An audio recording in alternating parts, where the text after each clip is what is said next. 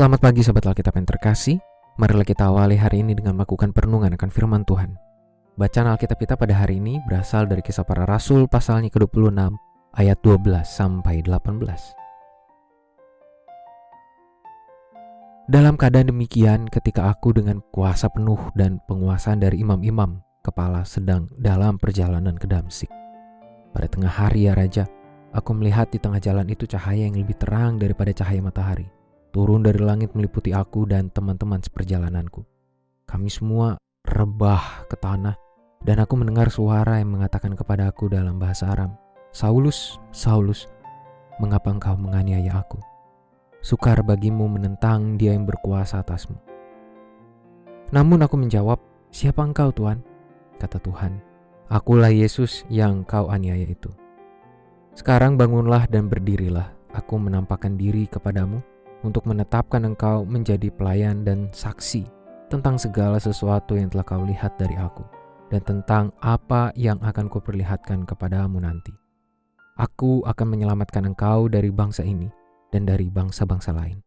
Aku akan mengutus engkau kepada mereka untuk membuka mata mereka supaya mereka berbalik dari kegelapan kepada terang dan dari kuasa iblis kepada Allah supaya mereka oleh iman mereka kepadaku memperoleh pengampunan dosa dan mendapat bagian dalam apa yang ditentukan untuk orang-orang yang dikuduskan. Sahabat Alkitab, pengalaman iman yang Paulus alami pada saat ia bertemu dengan Yesus Kristus di tengah perjalanan menuju Damsyik tidak hanya membawa perubahan bagi dirinya melainkan juga bagi orang lain. Perubahan hidup dan iman pada diri Paulus tidak sekedar mengubah prinsip serta pemahaman imannya, melainkan juga menghadirkan transformasi identitas, orientasi, sikap, dan misi imannya dari seorang penghajar menjadi pengajar umat Tuhan.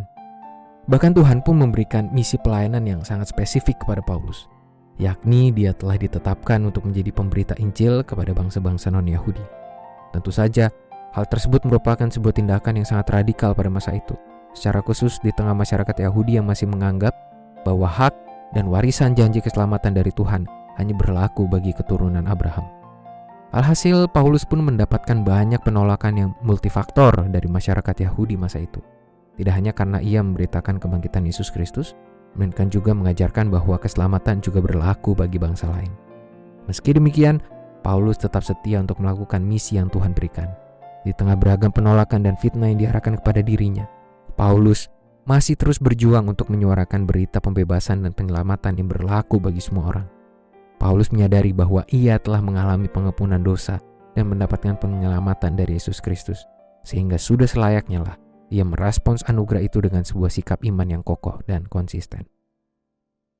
Sahabat Alkitab, sikap Paulus ini telah menunjukkan bahwa perubahan hidup sebagai dampak perjumpaan iman dengan Yesus Kristus perlu ditindaklanjuti oleh komitmen yang mewujud dalam berbagai kesediaan diri menjadi saksi dan melakukan firman-Nya. Paulus tidak sekedar bersedia untuk mengalami perubahan dari seseorang yang membenci Kristus menjadi pengikut setia Kristus, melainkan ia menindaklanjuti itu semua dengan kesediaannya menjadi pengajar umat dan saksi Kristus di mana pun ia diutus oleh Kristus. Sekarang pertanyaannya bagi kita adalah, apakah kita sudah menghasilkan wujud perubahan di dalam Kristus? Marilah kita berdoa. Ya Tuhan, di dalam kebenaran firman-Mu, dengan hati yang terbuka, dengan diri yang siap untuk dibimbing oleh Roh Kudus. Tolong kami Tuhan untuk menghadirkan perubahan yang nyata. Tolong kami Tuhan untuk terus konsisten dalam memperjuangkan perubahan iman kami. Hanya di dalam nama Tuhan kami Yesus Kristus kami berdoa dan menyerahkan kehidupan kami. Amin.